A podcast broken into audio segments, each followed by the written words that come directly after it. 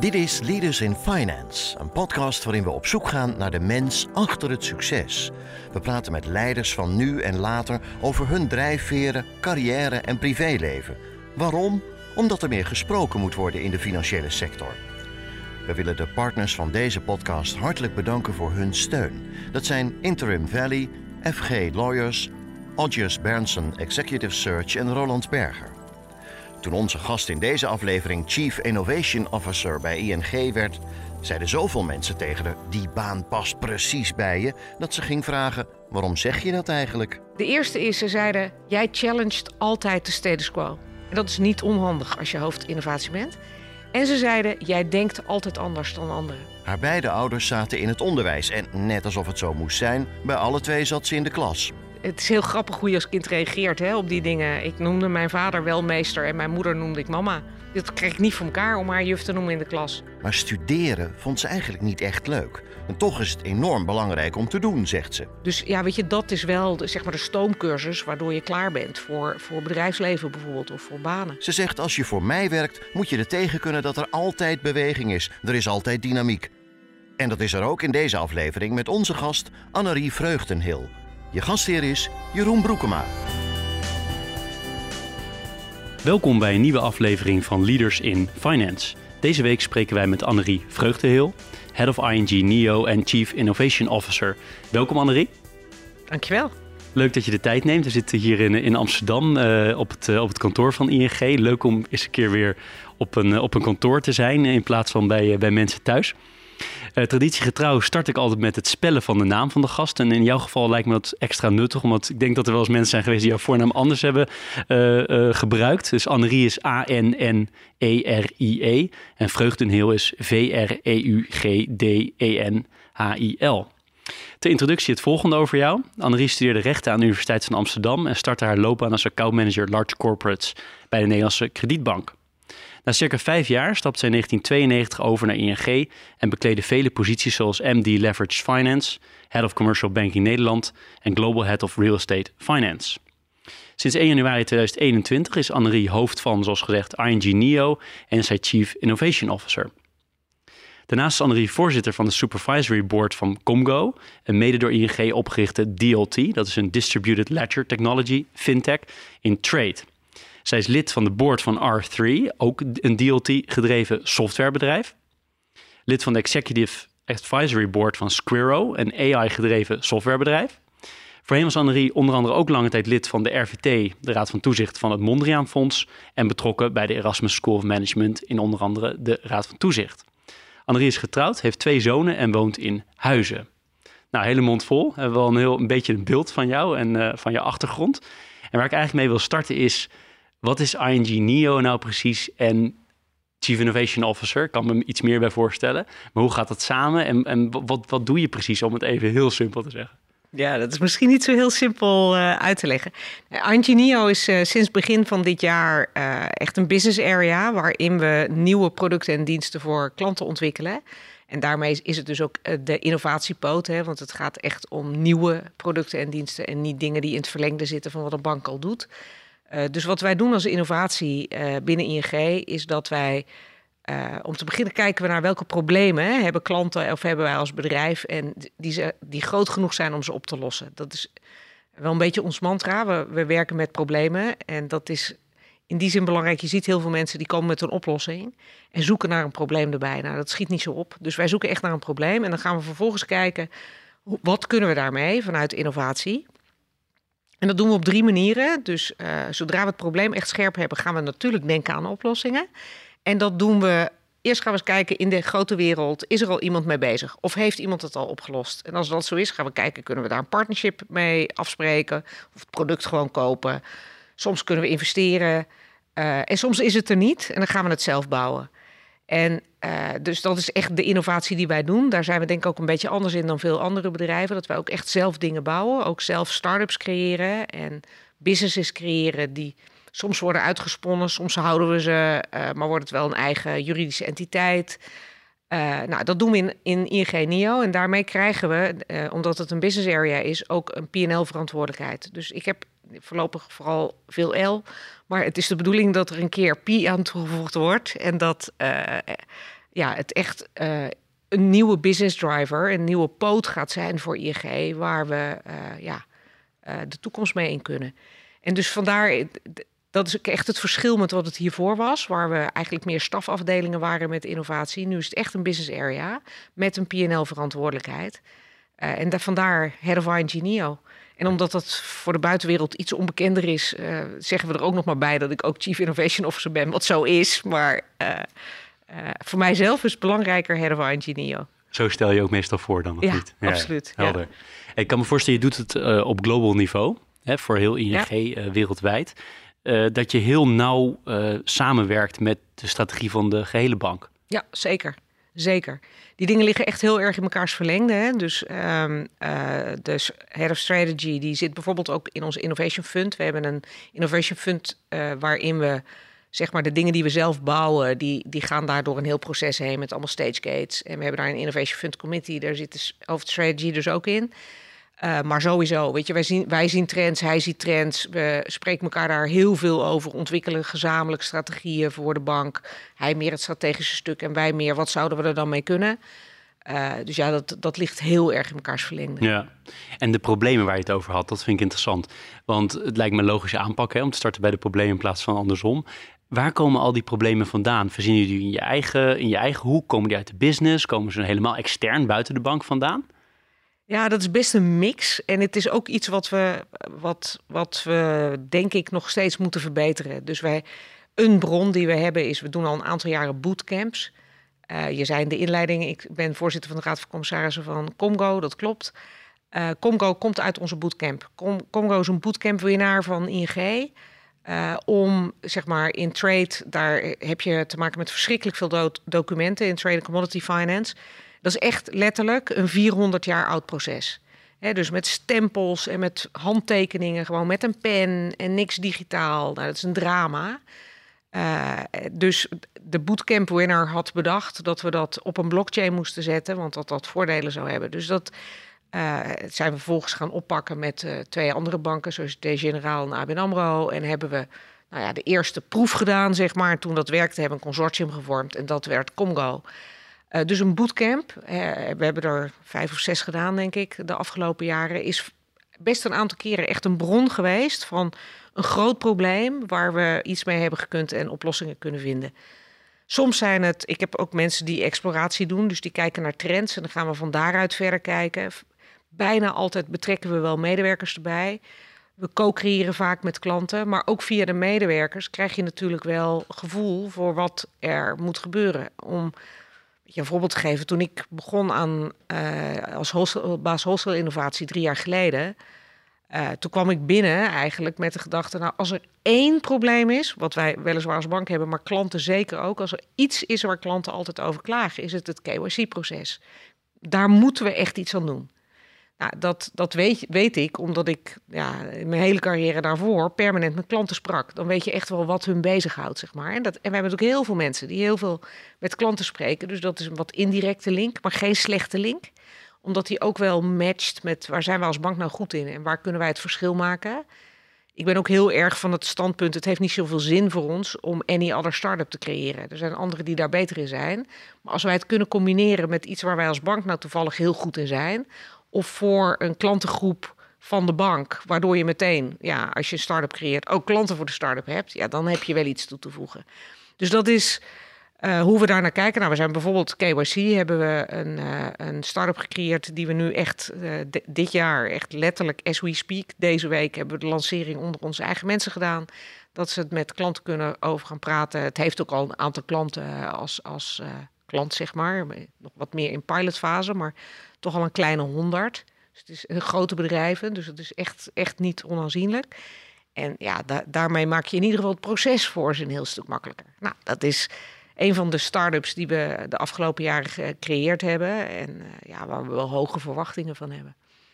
Twee andere routes die ik ook nog in, want dit is heel leuk om te horen. De eerste route is besluitvorming en innovatie. Dat vind ik zelf heel interessant, want wie beslist nou uiteindelijk wat?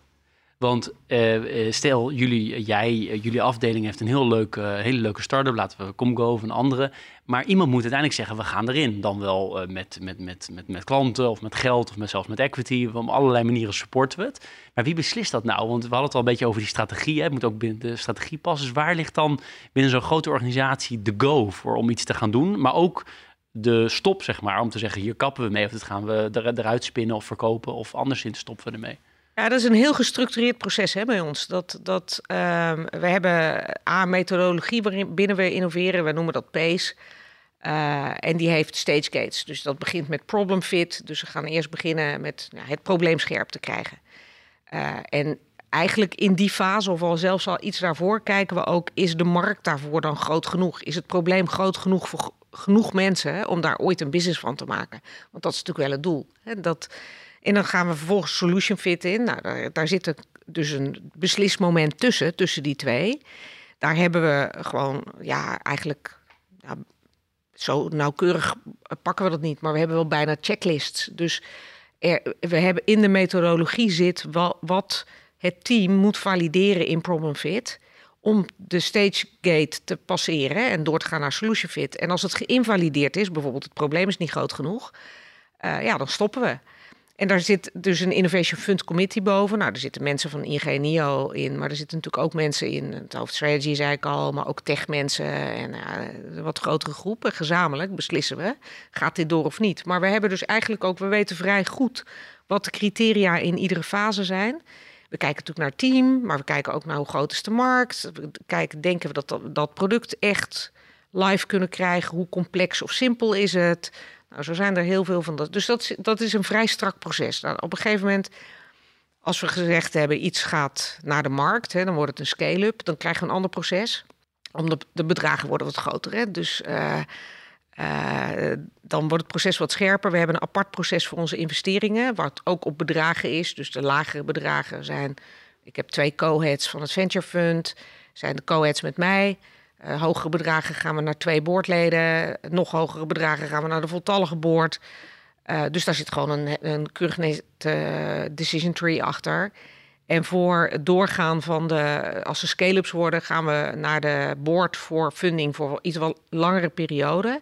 En dat heeft twee redenen. A, je gaat echt wel serieus geld uitgeven. Dus het is goed dat, dat ze ja, iets te zeggen hebben over waar we in investeren, denk ik.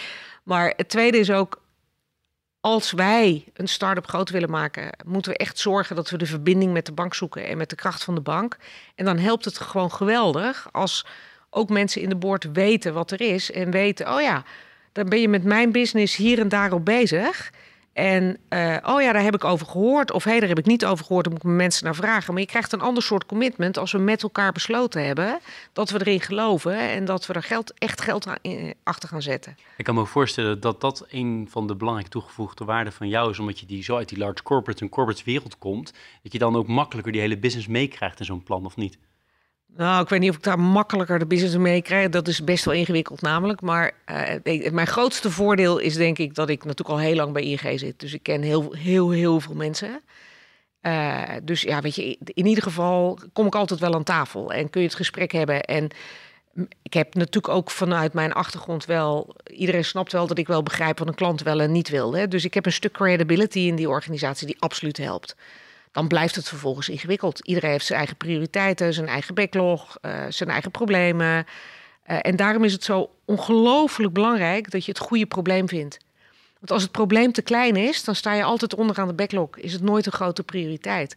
Maar als het probleem voor zo'n business unit groot genoeg is, dan gaan ze er ruimte voor maken. Ja, dat kan me helemaal voorstellen.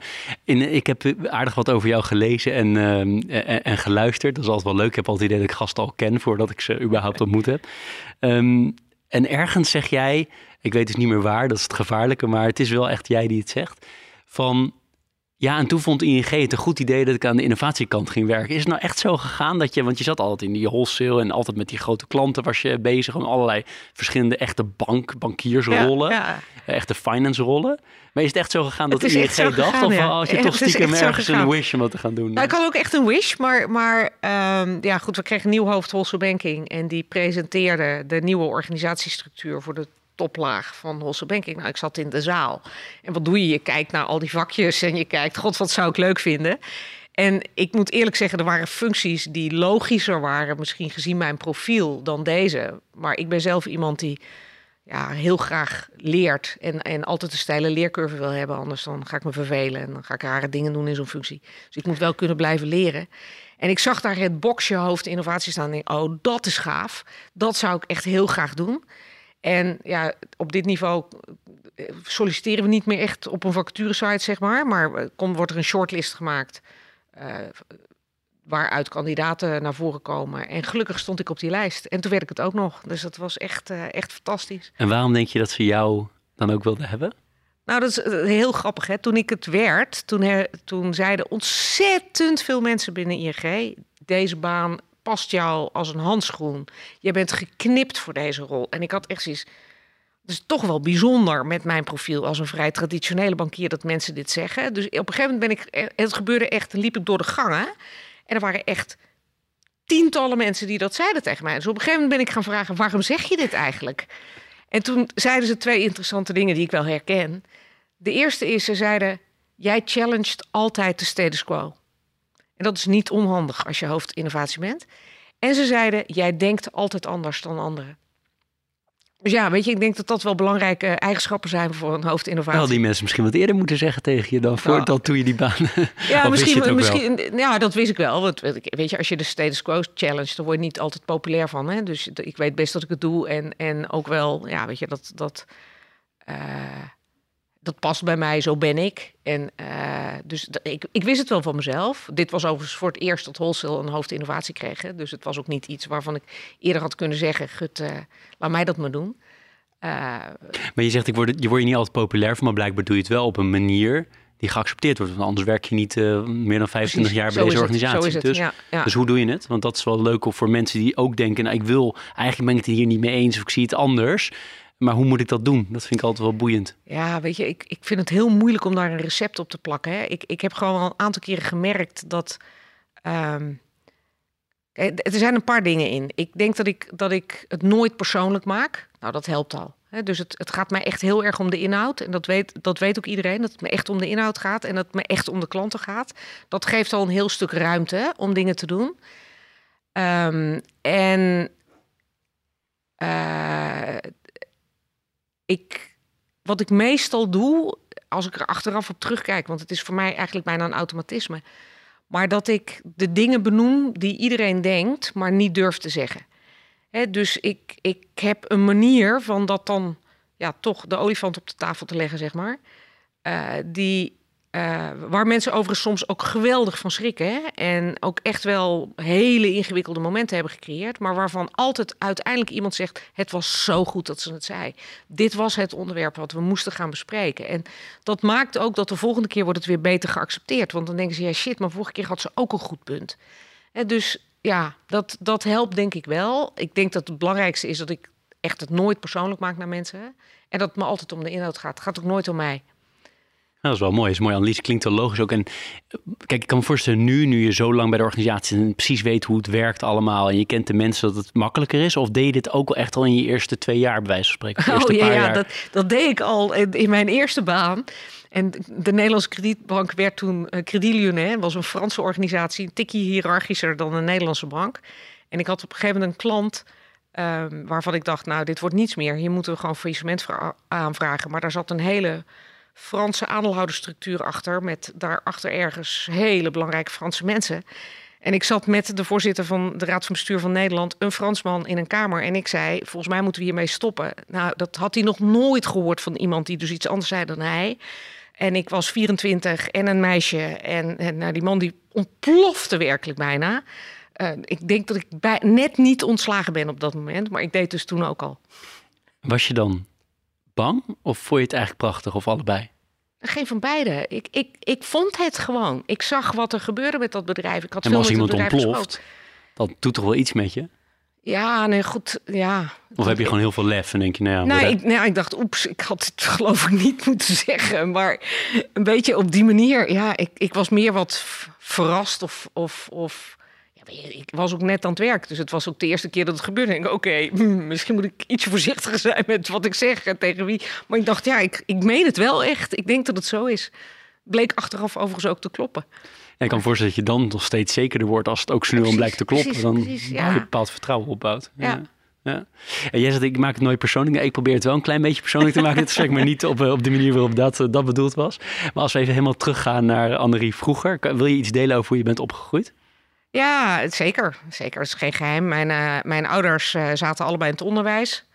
Ehm, en eh, ja, voor die tijd, die zijn natuurlijk een hele andere tijd opgegroeid dan ik. Dus die konden niet echt gaan studeren. Die zaten gewoon in, niet in een milieu waar dat ja, financieel kon, maar ook niet waar dat heel erg automatisch was, zeg maar. Nou, die hebben uiteindelijk wel gestudeerd. Dus die zijn toen ze gaan werken, hebben ze allebei nog een universitaire studie gedaan. Ehm, maar twee onderwijzers. Mijn vader is uiteindelijk eh, opgegroeid tot eh, directeur van een onderwijsinstituut. Mijn moeder die heeft een hele carrière in het onderwijs gemaakt. Ook altijd fulltime gewerkt. Eh, en is uiteindelijk nog iets heel anders gaan doen. Haar eigen bedrijf begonnen met allemaal teksten schrijven. En dat was, ze was Neerlandica, daar was ze vreselijk goed in. En nou, daar werd ze waanzinnig om gewaardeerd. Dus ja. En hoe word je opgevoed als je twee onderwijzers als ouders hebt? Ja, dat is best ingewikkeld. dus ik heb ook met ze allebei in de klas gezeten. Dat is echt heel ingewikkeld. Ehm, eh, dat, het, is heel grappig hoe je als kind reageert hè, op die dingen. Ik noemde mijn vader wel meester en mijn moeder noemde ik mama. Dit kreeg ik niet voor elkaar om haar juf te noemen in de klas. En eh, ja, waarom? Dat, en- maar ik vond het niet gaaf. Uiteindelijk heb ik ook gezegd, laat mij vooral in een andere klas zitten. Wat er namelijk gebeurd is, dat eh, zij zijn bang jou voor te trekken. Dus ze zijn best wel streng. En by the way, alle andere leraren op school ook. Eh, maar iedereen denkt dat je altijd wordt voorgetrokken. Nou, Dat, eh, ook daar word je al niet populair van, zeg maar. Ja, nee, dat kan wel mooi verwoord. Wel interessant dat je de ene wel meester noemde en de andere dan eh, mama of moeder. En, en eh, qua opvoeding, wat, wat zijn belangrijke dingen die je hebt meegekregen aan normen en waarden? Of wat was belangrijk bij jullie thuis? Ehm, een paar dingen waren bij ons denk ik heel belangrijk. Wat echt heel diep eh, zit in, in, bij, in, ja, bij mijn vader en mijn moeder. En dus ook bij mij is dat alle mensen gelijk zijn. Dus en de koning die is nooit over de vloer geweest. Maar als die over de vloer gekomen zou zijn... dan zou die totaal niet anders behandeld zijn dan de huishoudster. Dat was echt zelfs iets waar niet over gesproken werd. Het was zo evident dat je iedereen gelijk behandelt. Ehm, dat heeft mij wel heel erg gevormd. En het andere wat, wat heel belangrijk bij ons was, was eerlijkheid en openheid en transparantie. Ik ben heel erg opgevoed met eerlijkheid duurt het langst. En het heeft denk ik ook heel lang geduurd voordat ik het echt begreep wat dat betekende. Want dat werd wel heel vaak hardop gezegd. Eh, maar dat, dat waren wel hele belangrijke dingen bij ons thuis. Wa- Want eh, wat bedoel je daarmee? Dat, dat het lang duurde voordat je begreep wat het was? Of? Nou ja, d- dat, dat eerlijkheid duurt het langst is. Ik heb het heel lang geïnterpreteerd als dat het heel lang duurt voordat je eerlijk kan zijn. Maar eigenlijk wat het betekent is dat als je eerlijk bent, je daar eh, heel lang iets mee bereikt. Ja, dat is mooi. Ja. Ja, dat is mooi. En waar, waar ben je opgegroeid? Waar, waar was het? In Geldermalsen. Geldermals. Oké. Ja. En broers en zussen? Nee, In dus alleen? alleen. Oké. Ja. Ja. En wi- wist jij al jong wat je wilde gaan doen qua studie bijvoorbeeld? Of Nee, wilde je gaan studeren überhaupt? Want je had niet meteen het voorbeeld. Ja, later Jawel, dus wel. jawel. maar, Ze hebben ja. gestudeerd voordat ik. eh, en en Ja. bij, op mij was de druk heel erg groot. Ik moest echt studeren. Als ik gezegd had, nou, dat, dat lijkt me niet zo leuk, dan dat was onbespreekbaar geweest. Dus eh, eh, nee, ik, ik moest. Maar ik wilde zelf ook leren. Ik wist ook niet beter. Weet je, het was het logische pad om te gaan studeren. Ehm, ik dacht toen ik 16 was of zo, 17 was, dat ik diplomaat wilde worden. Gelukkig is het niet gelukt. Maar, eh, want ik ben er volstrekt ongeschikt voor. Maar ik dacht echt dat ik diplomaat wilde worden. Want ik vond de grote wereld heel interessant. Ik vond vooral geopolitieke vraagstukken heel interessant. Dus ik ben begonnen met, met politicologie te gaan studeren. Want dat was in die tijd gewoon de opmaat naar het diplomatenklasje. Eh, nou, na anderhalf jaar kwam ik tot de conclusie dat in die tijd... eh, dat diplomatenklasje echt nog niet gewend was aan vrouwen. Dus dat die kans wel heel erg klein was. Ehm, en toen ben ik er internationaal recht bij gaan doen. Denk, nou, als ik nou mijn papieren verbeter, dan heb ik misschien nog een kans. Toen vond ik rechten zo leuk dat ik uiteindelijk ondernemingsrecht ben gaan studeren. Dus, eh, en toen ben ik volstrekt toevallig bij een bank verzeild geraakt. En eh, gelukkig ben ik daardoor nooit diplomaat geworden. En dat, dat gelukkig is waarschijnlijk omdat je precies zegt wat je denkt. En dat is in exact, diplomatie exact. niet altijd even handig. Ik challenge de status quo. Ja, dat is niet super handig als je diplomaat bent. Dus, nee, uh, nee, en ook als je dat combineert met tegen iedereen precies hetzelfde behandelen. Of je nou een president of Precies, dat... precies. Ik ben er echt niet voor geschikt. Die protocollen en zo moet je niet bij mij doen. mooi, mooi hoe je dat verwoordt. En uh, hoe was jouw studententijd? Hoe omschrijf je dat? Nou, ik vond studeren niet leuk. Um, ik vond... Uh, Um, de studententijd, ik, ik heb echt een hele leuke studententijd gehad. Ik ben lid geworden van een vereniging. Uh, ook daar niet het gebruikelijke pad, maar een ander soort vereniging met gemengde disputen en uh, nou, iets, ietsje progressiever in die tijd. Um, dat was hartstikke leuk en heel gezellig. En, maar ik vond studeren niet leuk. Ik vond het vervelende van studeren um, dat het dat of je, of je je vakken haalt en of je goede cijfers haalt, is alleen belangrijk voor jezelf. En nou ja, je ouders vinden het belangrijk, maar het doet voor de rest voor helemaal niemand in de wereld is het belangrijk of voegt het iets toe dat je dat doet. Dus ik vond dat, ja, dat, het, hoe moet ik dat verwoorden? Ik vond het um, te, te geïsoleerd, denk ik. Ik had niet het gevoel dat ik daarmee iets voor iemand kon betekenen of ik dat papiertje nou wel of niet haalde. dus het was alleen maar belangrijk van je weet dat je het nodig hebt om eh, bepaalde banen te krijgen waar je dat dan wel mee kan.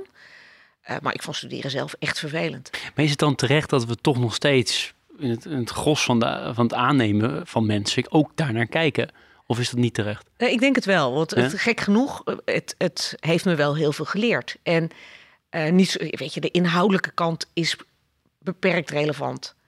Um, maar je leert een manier van denken, een manier van logica opbouwen, een manier van vanuit allerlei invalshoeken, want dat doe je met research, zeker op een universiteit, vanuit allerlei invalshoeken naar een probleem kijken, wat denk ik verschrikkelijk belangrijk is. En, en die vorming, uh, daarom denk ik dat het verschrikkelijk goed is dat we daarop selecteren, want dat heb je heel erg nodig.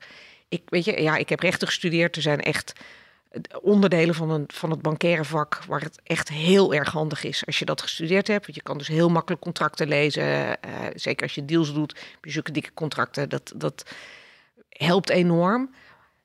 Ik heb echt heel regelmatig denk god, dan ben ik blij dat ik dit gestudeerd heb. Want nu snap ik deze context, snap ik het allemaal. Maar in die end is dat niet relevant. Weet je, dat, dat wetboek wat toen gold, is al 30 keer herschreven inmiddels. Dus die de, de factual kennis, de feiten, is niet relevant. Wat relevant is, is de manier van denken. En, en hoe je, hoe je ook overigens de sociale vorming hè, in, in die hele periode is verschrikkelijk belangrijk. Dus ja, weet je, dat is wel de, zeg maar de stoomcursus waardoor je klaar bent voor, voor bedrijfsleven bijvoorbeeld of voor banen. Ja, dus aan de ene kant zeg je eigenlijk even mijn woorden, maar het is best een egocentrische tijd. Je bent daarmee bezig. Tegelijkertijd is het super sociaal, is helemaal niet, maar dat is meer naast de studie. en, en toch leer je door dat abstracte denken, is het wel weer cruciaal in het aannamebeleid, ook bij ING, om, om toch wel te laten zien dat je het papiertje hebt. Of zeg jij, we, ik zou ook wel iemand in mijn team aannemen die zijn middelbare school niet eens heeft afgemaakt? Ja, als die maar wel dat denkvermogen heeft. En ergens moet je het wel opdoen. dus het, papiertje interesseert me echt niks. Maar wel kun je dit abstractieniveau pakken, kun je op deze manier ja, dingen analyseren en om, de sociale kant omgaan met mensen. Uh, maar vooral ook het denk, de manier van denken heb je echt nodig, zeker in grote bedrijven. Ja, ja kan me iets voorstellen. Je zegt uh, compleet random kom ik terecht bij uh, in, in, bankwezen. Hoe ging het dan, praktisch? Nou ik, ik heb heel veel gewerkt uh, tijdens mijn studie, want ik vond studeren dus echt heel vervelend. Dus ik ging heel veel werken tijdens mijn studie. En op een gegeven moment kreeg ik echt een leuk baantje. Dat dan zat ik op een tradingafdeling van een oliemaatschappij. En dan handelden we in propaan en butaan. En ik, nou ja, goed. Ik begon met, met toen hadden we nog nauwelijks computers. Dus er ging een gigantisch bord aan de muur waar um, uh, de koers van de dollar en van de olie werd bijgehouden, moest ik iedere dag een pinnetje daarin prikken in dat bord. Om dus die koers te, te laten zien. Hè. Nu gaat het allemaal wat anders, maar dat was toen zo. Dus, uh, maar ik sprak ook heel veel met klanten. En ik deed wat meer de afhandeling natuurlijk. Ik deed nog niet echt de handel. Maar ik vond het geweldig. Dat commerciële en uh, ja, dat het deals doen. Ik vond het helemaal fantastisch. Dus toen ik, toen ik afstudeerde, wist ik één ding heel erg zeker. Dat ik een commerciële functie wilde ik vond het internationaal heel spannend, dus ik wilde ook graag iets internationaals. Nou, ik had mijn, als eerste mijn rechtsstudie afgemaakt en uh, op een gegeven moment kreeg ik een uitzendbaantje aangeboden voor zes weken bij een bank om de zekerhedenadministratie in een computersysteem te zetten. Nou, dat was echt geen interessant baantje, maar het was voor het eerst dat ik al die, die actes waar ik heel veel over geleerd had, door mijn vingers kon krijgen. Ik denk, nou, dat is toch wel heel gaaf. En dat voor zes weken. Denk, nou, leuk, gaan we doen. Dus dat bleek een project te zijn voor uh, een student of acht. En er stonden computers en, en kasten vol met dossiers. En daar moesten wij dus iets mee. En vervolgens, het was onderdeel van de, van de uh, uh, juridische afdeling keek er echt niemand naar ons om. Ze zeiden, hier heb je het allemaal, regel het. Dus nou, ik, ik pakte het projectmanagement zeg maar vrij natuurlijk op. Dus uh, nou, we hadden op een gegeven moment een systeem staan en de afspraken gemaakt. Iedereen, jij doet dit, jij doet dat. Dus toen zeiden ze op een gegeven moment, ja, we willen je houden. En toen zei ik, nou, dat weet ik echt niet helemaal zeker. Ik vind dit namelijk niet interessant. En bovendien was inmiddels aangekondigd dat de Nederlandse kredietbank overgenomen zou worden door Credit Lyonnais zeg, ja joh, dan ben ik de laatste die erin komt en de eerste die eruit vliegt. Laten we hier gewoon niet aan beginnen. Ja, nee, we willen je echt houden. Ik zei, ja, maar ik heb ook echt helemaal geen zin in de juridische afdeling.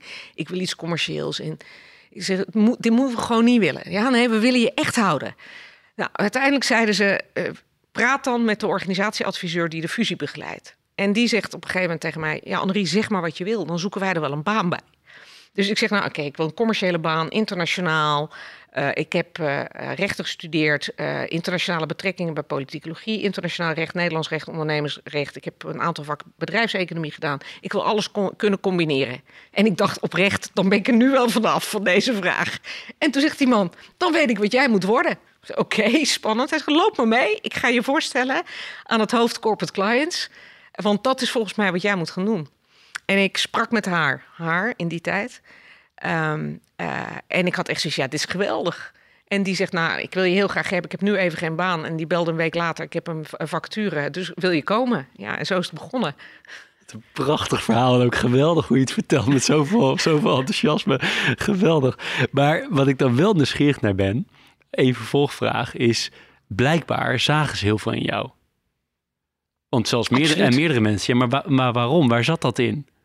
Ja, denk je? Goeie vraag. Ja, weet je, ik zou het hem moeten vragen. Maar... Precies, hè. Kijk, ik, je valt natuurlijk al op omdat ik zoiets had van... ja jongens, het kan niet zo zijn dat we hier met zes man in een hok zitten... en niemand vertelt wat we doen moeten. We zullen een paar afspraken moeten maken. Dus ik heb dat ja, ik, kennelijk van nature de leiding daar genomen... om te zorgen dat we een projectstructuur kregen. En uh, ja, dat zien mensen, hè. Dus daar begint het natuurlijk al mee. Um, ik denk dat ik iemand ben die vrij makkelijk connecties maakt met mensen... Um, dus ja, weet je, daardoor creëer je een, een gevoel voor jouzelf bij mensen. Uh, meestal, ik, ik doe zelden dingen die ik echt vervelend vind. Dus zelfs voor zo'n project kan ik nog wel een passie ontwikkelen. Als het dan allemaal begint te lukken, dan denk ik, nou, dat is allemaal wel gaaf. Dus dan straal je energie uit. Ja, ik denk dat het dat soort dingen zijn. Het is wel grappig, ze hebben je wel een soort van ontdekt. En anders was je misschien helemaal niet in de bankaire sector terechtgekomen. Nee, die kans was echt serieus Maar waar was je dan heen gegaan, denk je?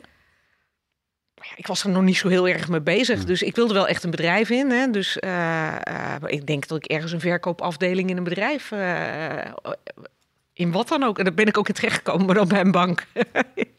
Mooi. Heb je bepaalde mensen in je loopbaan gehad die heel cruciaal voor jou geweest zijn? Nou, deze, deze mevrouw die jou uiteindelijk aannam, ja, waarschijnlijk. Ja, slash die, die meneer of mevrouw die jou wilde hebben. Ja.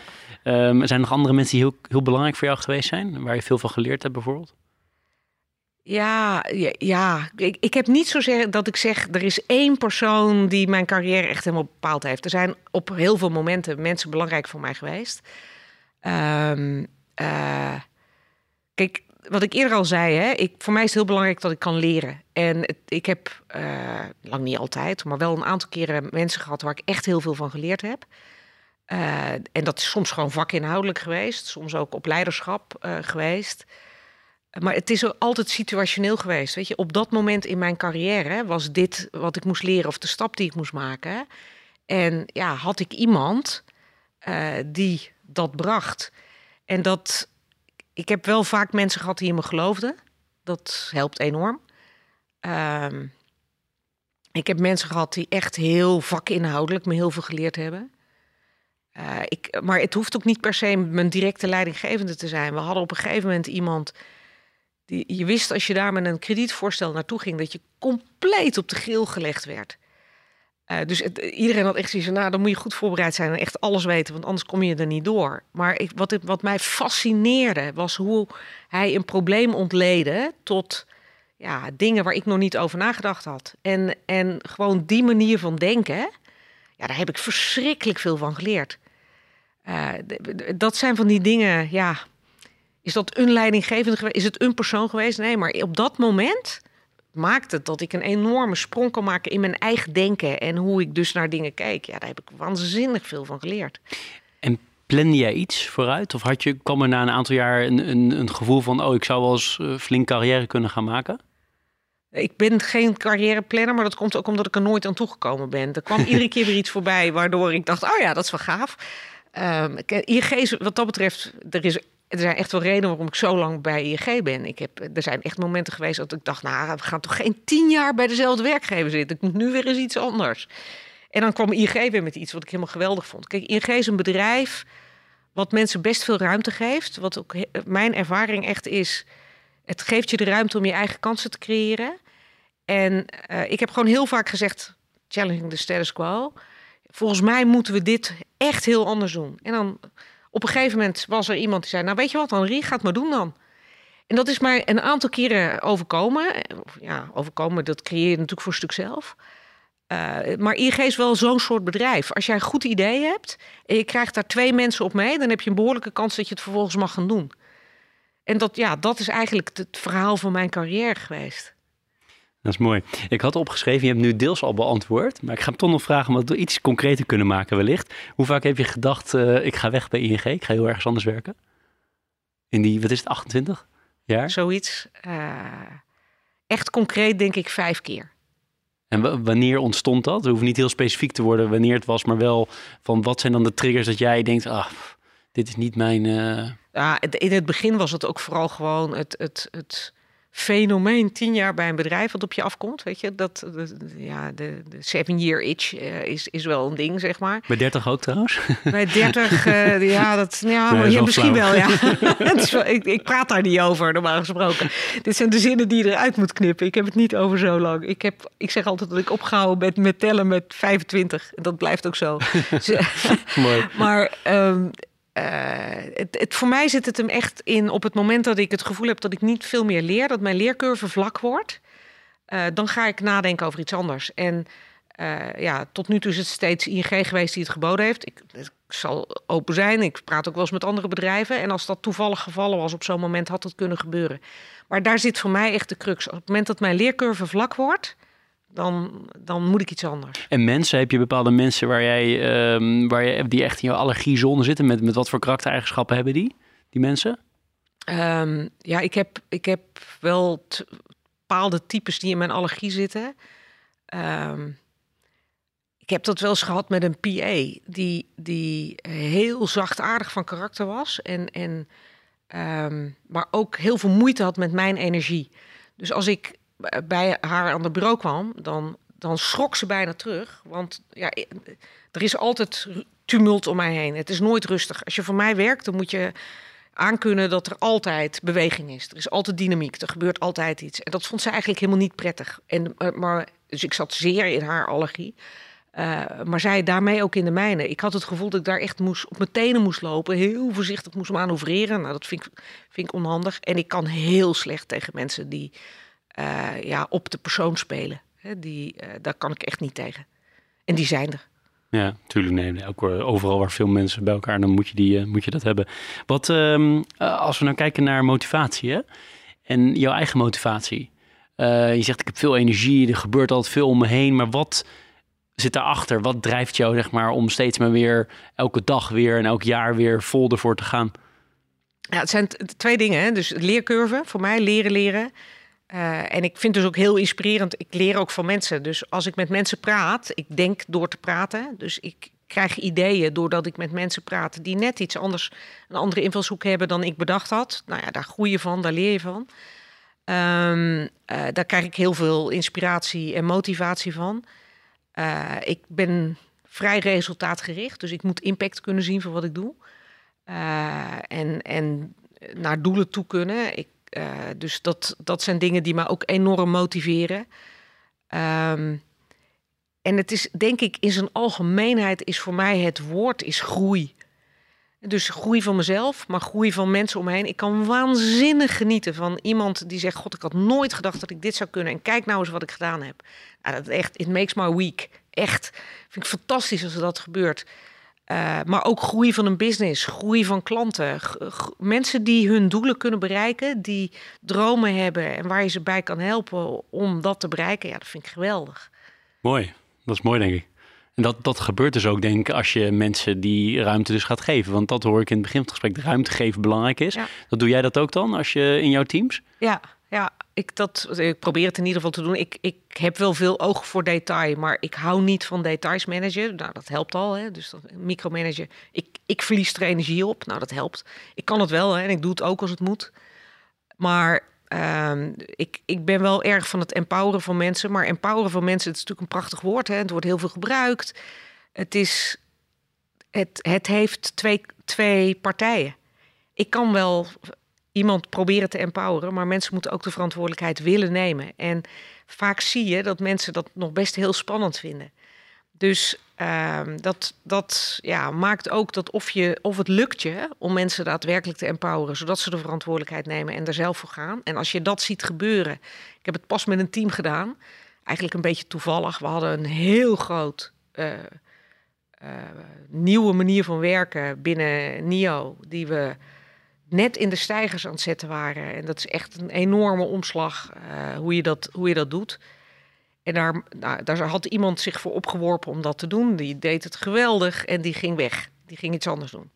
En ik had iemand anders erop zitten die dat ook doet en die viel fysiek uit. Dus ik had ineens met een deadline drie weken later uh, niemand meer die dat deed. En ik had er zelf echt geen tijd voor. En bovendien wist ik het ook allemaal niet precies. Hè? Dus, en toen heb ik gewoon onder al mijn mensen gezegd: jongens, dit is er aan het gebeuren. Hebben er mensen zin om dit op te pakken en in dat gat te springen? En vijf mensen melden zich.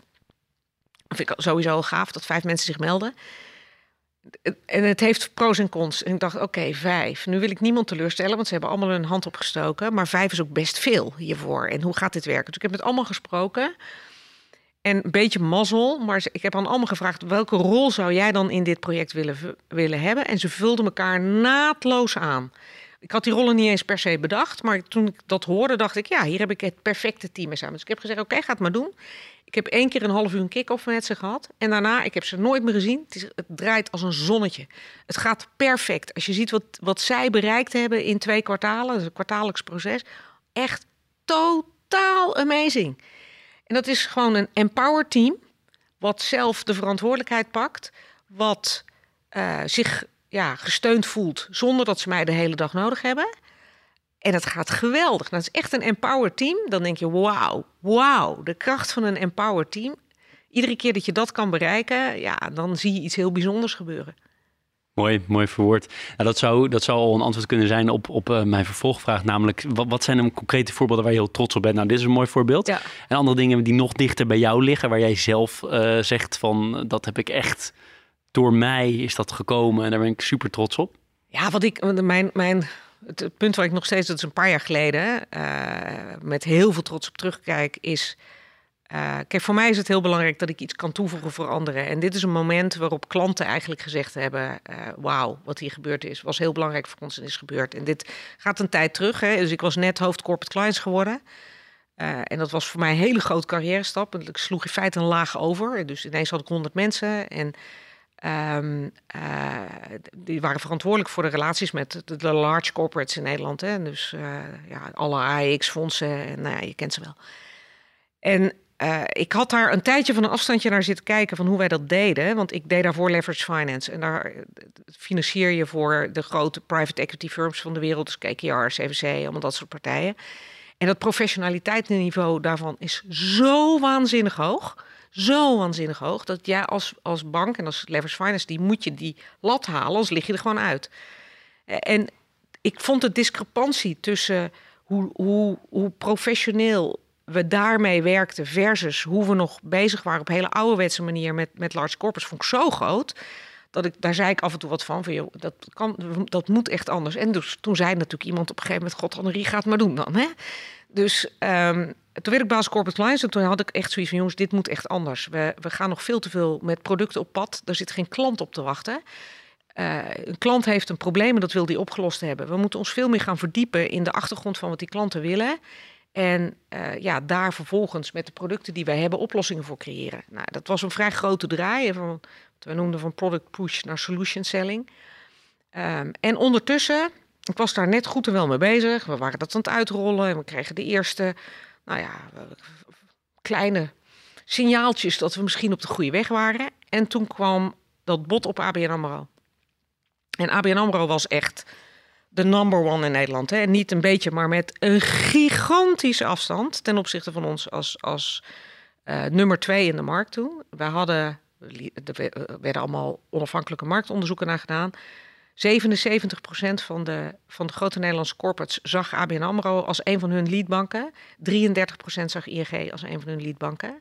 En wij waren de nummer twee in de markt. En dus zo groot was dat gat. En toen kwamen zij, toen kwam dat bod, bod van dat consortium, waarmee ze natuurlijk in drie delen zouden worden opgesplitst. En dat was, ABN was ook, weet je, als een bedrijf in de problemen kwam, dan ging je naar ABN AMRO en die losten het op. Die zorgden dat er een herfinanciering kwam of een, nou ja, whatever.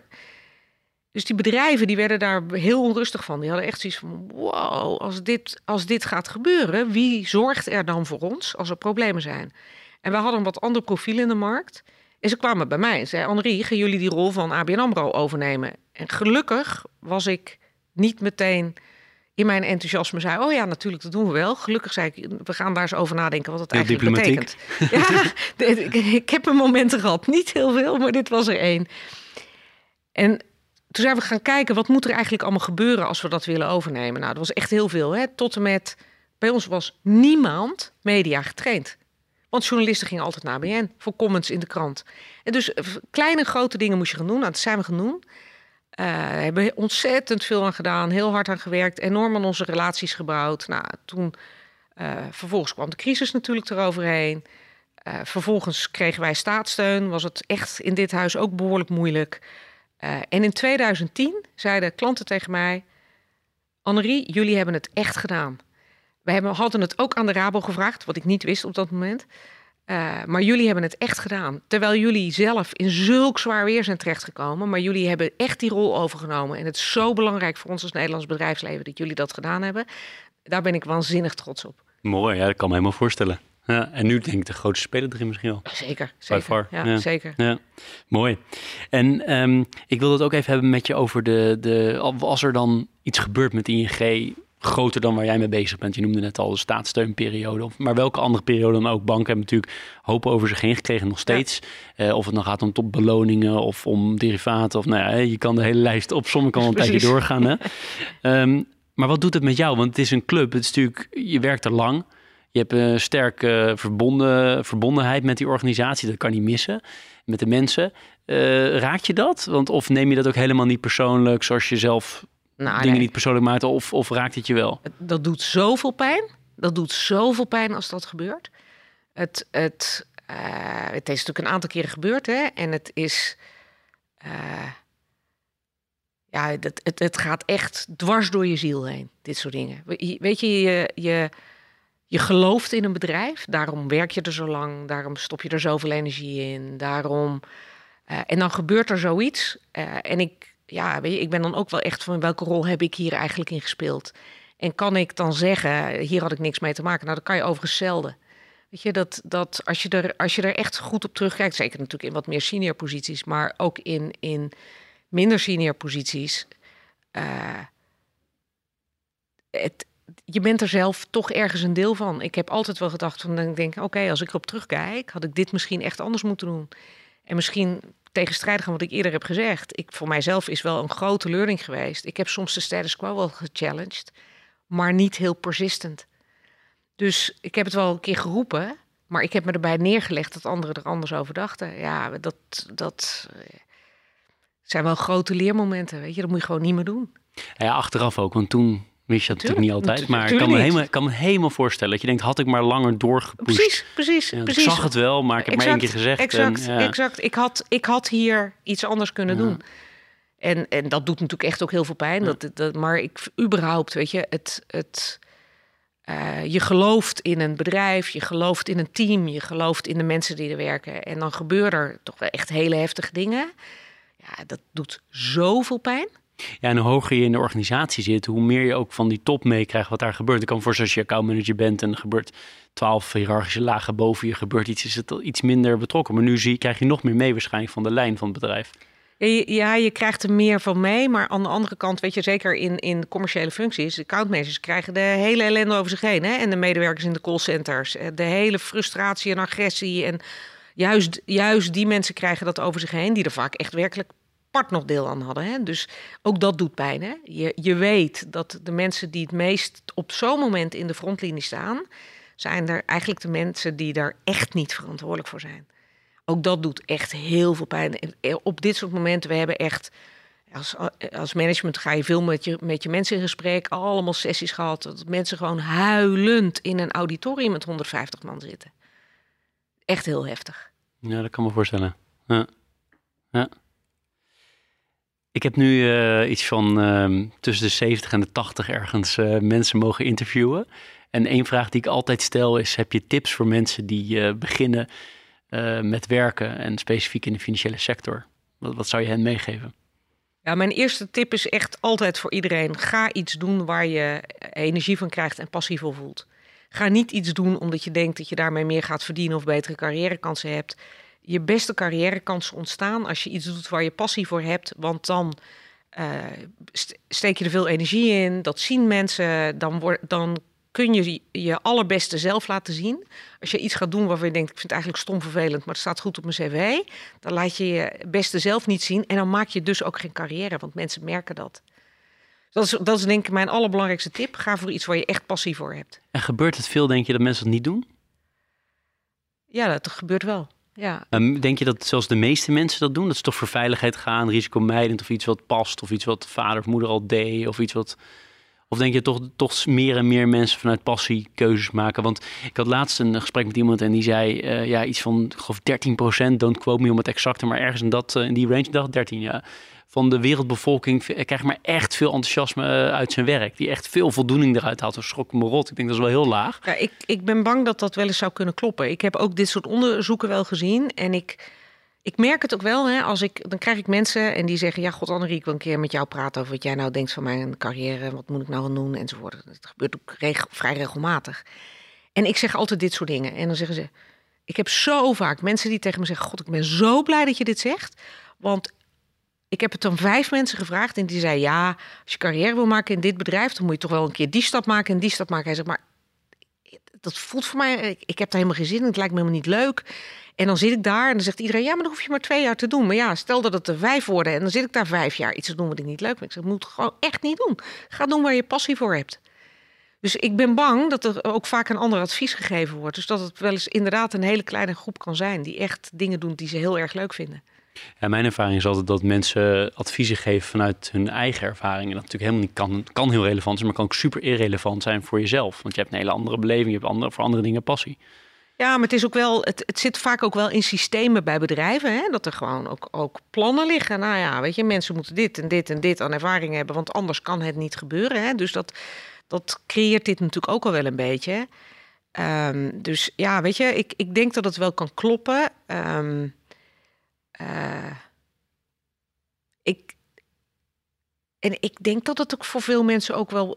Er zijn ook heel veel mensen die hun happiness uit iets anders dan hun baan halen. Hè? Die zeggen, ja, mijn baan is er voor mijn hypotheek en mijn happiness haal ik uit een hobby. Dat is overigens ook helemaal prima. Daar is echt niet zo heel veel mee. Is dat zo? Want het is wel een heel groot gedeelte van je leven. Ja, ja, maar het is mensen hun eigen keuze. Weet je, als dat voor hun zo is, dan is dat voor hun zo. Ik, dat, daar heb ik geen oordeel over. Um, ik, en het andere is ook wel, wat ik zelf ook wel geleerd heb, is. Je, je, A, je bent echt verantwoordelijk voor je eigen happiness, maar je kan je happiness op heel veel plekken vinden. En je komt soms in een baan dat je denkt, nou, hmm, um, dit het was niet het boxje zoals het boxje hoofdinnovatie in dat uh, organogrammetje. Maar je, maar je kan er wel heel veel van maken. En je kan, mijn ervaring is echt wel, je kan daar echt als je bij jezelf blijft en, en vanuit jezelf blijft redeneren, wat kan ik hiervan maken, kan je er iets super gaafs van maken. Dus ja, het, het, het, het hangt vooral echt van je eigen instelling af. Als je een baan ingaat van, nou, ik vind eigenlijk helemaal niks, maar ik moet een paar jaar doen, ja, dan wordt het ook echt helemaal niks. Als je erin gaat van, nou, ik had misschien liever die andere baan gehad, maar weet je wat, ik ga hier ook iets van maken, ja, dan wordt het vanzelf beter. Nou ja, wat je zelf zegt, mensen voelen natuurlijk direct of je iets met passen doet of niet. En of je dat echt leuk vindt of niet. Je kan wel zeggen, ja, ik vind het ontzettend leuk wat ik doe, maar dat zeggen vaak mensen. Denken, nou, ik weet al binnen drie seconden dat het helemaal niet waar is. dus, uh, maar goed, uh, op 80, 90 procent van het gesprek heb ik altijd een, een pleaser en een teaser bij, bij Leaders in Finance. En begin altijd even met de teaser, dan kunnen we daarna ontspannen bij de, dacht bij dat de we pleaser. die teaser al wel gehad hadden met alle ja, drama's rond ING afgelopen jaar. hoor, we zijn er niet... Of tussen niet aan mij om dat te beoordelen. nee, maar misschien um, kan je hier eens naar kijken. En dat is innovatieve bedrijven zoals bijvoorbeeld een Argen, een mooi voorbeeld in Nederland, die nu grotere marktkapitalisatie hebben dan ING en ABN AMRO samen. Uh, ABN AMRO is heel klein uh, en ING nog fors, maar samen kleiner Ja, dan Argen. zeker. Uh, zouden ook prima kunnen voortkomen, wel kunnen voortkomen uit een Nederlandse grootbank. Met andere woorden, er zo'n organisatie die uiteindelijk veel groter wordt dan de organisatie die hem heeft ooit als baby heeft gestart, zou dat kunnen?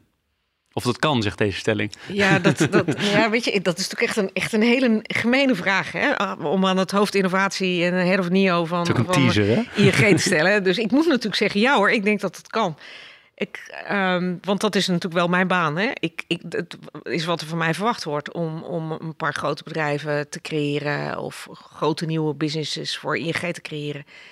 Um, ik denk, zou Argen zo groot hebben kunnen zijn worden als ze uit een bank waren voortgekomen? Waarschijnlijk niet. Ik denk dat je dat, dat um, de vrijheid die zij bij de start hadden en om hun eigen pad te kiezen en hun eigen keuzes te maken, cruciaal zijn om, om zo groot te worden. Om in gaten te springen en gewoon wat randen op te zoeken die je als bank niet op kan zoeken. Ook de cultuurverschillen zijn gewoon best wel heel groot.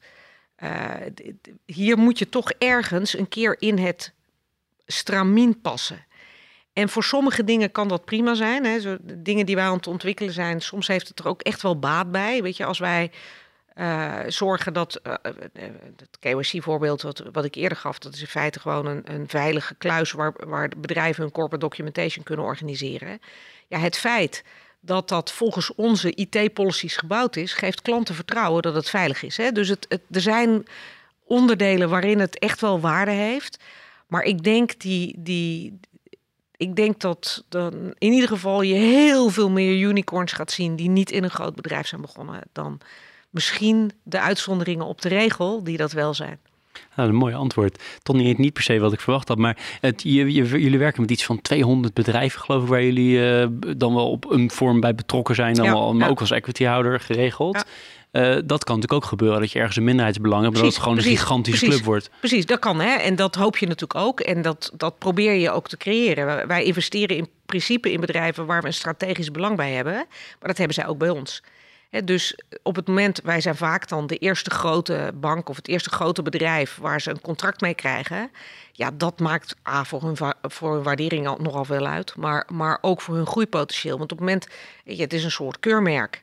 Als, als ING het geïntegreerd heeft in haar systemen, nou, dan zal er wel iets in zitten, want anders doet ING dat niet. Hè? Dus eh, daarom investeren we dan ook vaak. Dat we zeggen, ja, het is prima, maar jullie worden groot door ons als eerste klant te hebben. Dan willen we ook mee in de upside. Eh, maar dan helpen we je ook, zowel met ons logo, maar ook met ons geld, om groter te worden en meer markten eh, aan te boren. Dus in die zin, die strategische combinatie, die kan absoluut maken dat je onderdeel bent van het creëren van een unicorn. Maar dat is dan niet per se helemaal, weet je, het is een minderheidsbelang. Dus het zit ook niet helemaal in het keurslijf van de bank. En het kan zijn eigen cultuur hebben, het kan zijn eigen snelheid hebben. eh, en dat is gewoon heel belangrijk. Ja, mooi. Nou, leuk, leuk, leuk, mooie, mooie antwoorden. Aan de pleasende kant, heb jij een bepaald boek? eh, we begrepen in het voorgesprek dat je, dat je veel boeken hebt. Dus Ik dat heb heel veel boeken, ja. suggereert ook dat je veel leest.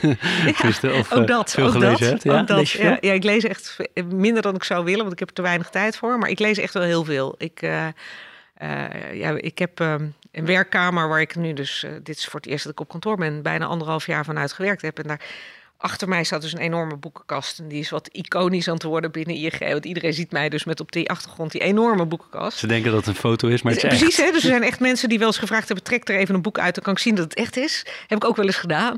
Ehm, maar het is echt een echte boekkast. Ik lees heel veel boeken. Ehm, ik heb niet zozeer één boek waarvan ik zeg: dit is de leidraad van mijn hele leven of carrière. Ook dit is vrij situationeel. Ehm, en ik ben op dit moment heel erg bezig met twee boeken. En de een gaat echt over leiderschap. Die heb ik uit, maar die, daar herlees ik stukken uit op het moment. Ben ik heel erg mee bezig. Dat is het boek uh, No Rules Rules van uh, Reed Hastings, de CEO van Netflix. En dat vind ik een onwaarschijnlijk fascinerend boek. Want iedereen zegt alleen maar over Netflix: no rules, rules. Hè? Dus er zijn geen regels binnen Netflix. Maar die is veel te simpel. Als je ziet wat zij voor een systeem gecreëerd hebben, waardoor de ruimte ontstaat om geen regels te hebben, dat is echt heel bijzonder. En daar zitten heel veel elementen in die gewoon voor. Ja, ik ben natuurlijk een nieuwe afdeling aan het bouwen, dus ik kan heel veel lessen trekken uit hoe zij dit gedaan hebben. En uh, dat, ik vind dat buitengewoon inspirerend. Uh, hoe zij, ja, hoe ze zeg maar begonnen zijn met, met vooral zorgen dat je toptalenten hebt. Als je toptalenten hebt, die willen uh, verantwoordelijkheid pakken. Die willen ruimte hebben, die willen empowered zijn en pakken de keerzijde ervan. En daarmee kan je zeggen, dan hoef ik minder regels te hebben, want uh, die pakken zelf hun verantwoordelijkheid wel. Dan creëer je een hele sterke cultuur, hebben ze ook gedaan. Ongelooflijk fascinerend, ook vanuit een innovatieperspectief. Waarin ze echt zoeken naar een mening die tegengesteld is. Dus ze mogen. Ze hebben heel veel zelfbeslissingsvrijheid, maar ze moeten een zekere peergroup altijd om uh, input hebben gevraagd. En moeten op zoek naar iemand die tegen het voorstel is. En waarom dan? Nou, zeker vanuit de innovatieperspectief is het natuurlijk echt cruciaal dat je in staat bent om dat te doen. Dus ik vind het echt geweldig interessant boek. Gaaf. Uh, dus daar ben ik in deze omstandigheid ja. heel erg mee bezig. Ik kan me voorstellen, nee, ik ga, ik ga meenemen naar de Schelling. Dit klinkt, ja, ik ken echt, hem niet. Dus, uh, ja, ja, het is echt geweldig. En je wilt nog een ander boek noemen? Ja, een ander boek is veel praktischer. Het is, uh, ik heb, daar ben ik nu aan het lezen, is Monetizing Innovation. Dus we zitten nu met een aantal innovaties die we naar de markt gaan brengen. Nou, dan krijg je de volgende vraag. Hoe ziet zo'n prijsingmodel er eigenlijk uit? Want wat we nu aan het doen zijn, is software gaan we verkopen. Hè? Eigenlijk gaan we software verkopen. Nou, dat is vrij nieuw voor een bank. Hoe doe je dat eigenlijk? Dus daar ben ik, ook dat soort dingen lees ik dan. Denk ik, ja. en, en niet zakelijke dingen, wat lees je dan? Uh, dat hangt er vanaf. Ik meestal in de, in de vakantie, dan begin ik met uh, uh, thrillers. Want dan ben ik gewoon echt moe. En dan wil ik makkelijk te lezen boeken waar het niet erg is als ik de volgende dag vergeten ben wat er in het vorige hoofdstuk stond. Dus dan begin ik met dat soort, met dat soort boeken. Meestal de tweede week pak ik iets van literatuur. Niet veel, maar af en toe meestal wel één boek in een vakantie. En dan lees ik wel hele diverse dingen. Gewoon om weer eens nieuwe schrijvers te ontdekken. En het laatste week is altijd voor businessboeken. Om mezelf te inspireren van, goh, wat ga ik volgende week doen als ik weer op kantoor Wat kom. mooi dat je structuur in hebt dat je gaat lezen op vakantie. Prachtig. Schitterend. Tot slot. Um, hoe organiseer jij werk in privé? Want je bent altijd heel uh, druk geweest met je werk, nog steeds uh, heel druk mee, dat kan niet missen. Uh, nu zeker met een hoeveelheid mensen die je aansluit in het verleden met die, al die, die corporate deals. Hoe manage je dat? Want je, jullie hebben, je hebt een gezin. Ja, mijn kinderen zijn nu het huis uit. Hè? Dus het is een, heel stuk makkelijker geworden, moet ik eerlijk zeggen. Um, mijn man heeft ook altijd een, grote carrière gemaakt. Dus het was best veel plannen. Dat, daar begint het echt mee. Dus gewoon in het weekend de agenda strekken wie is er wanneer. Wij, wij hebben heel bewust gekozen om geen au pair te nemen. Omdat we van ons allebei weten dat we dan geen rem meer op werken hebben. We wilden per se gewoon echt aandacht aan onze kinderen kunnen besteden. Dus nou, dat was door de week was er altijd iemand thuis, maar zelden allebei thuis, uh, s'avonds zeg maar. Uh, en in het weekend uh, besteed je meer thuis, maar in het weekend is ook altijd een deel werk. Um, het is, ja, plannen is mega belangrijk. Um, ik, wat, je, wat je met name in die jonge jaren van die kinderen wegcijfert, is jezelf. Dus me-time schiet er zwaar bij in.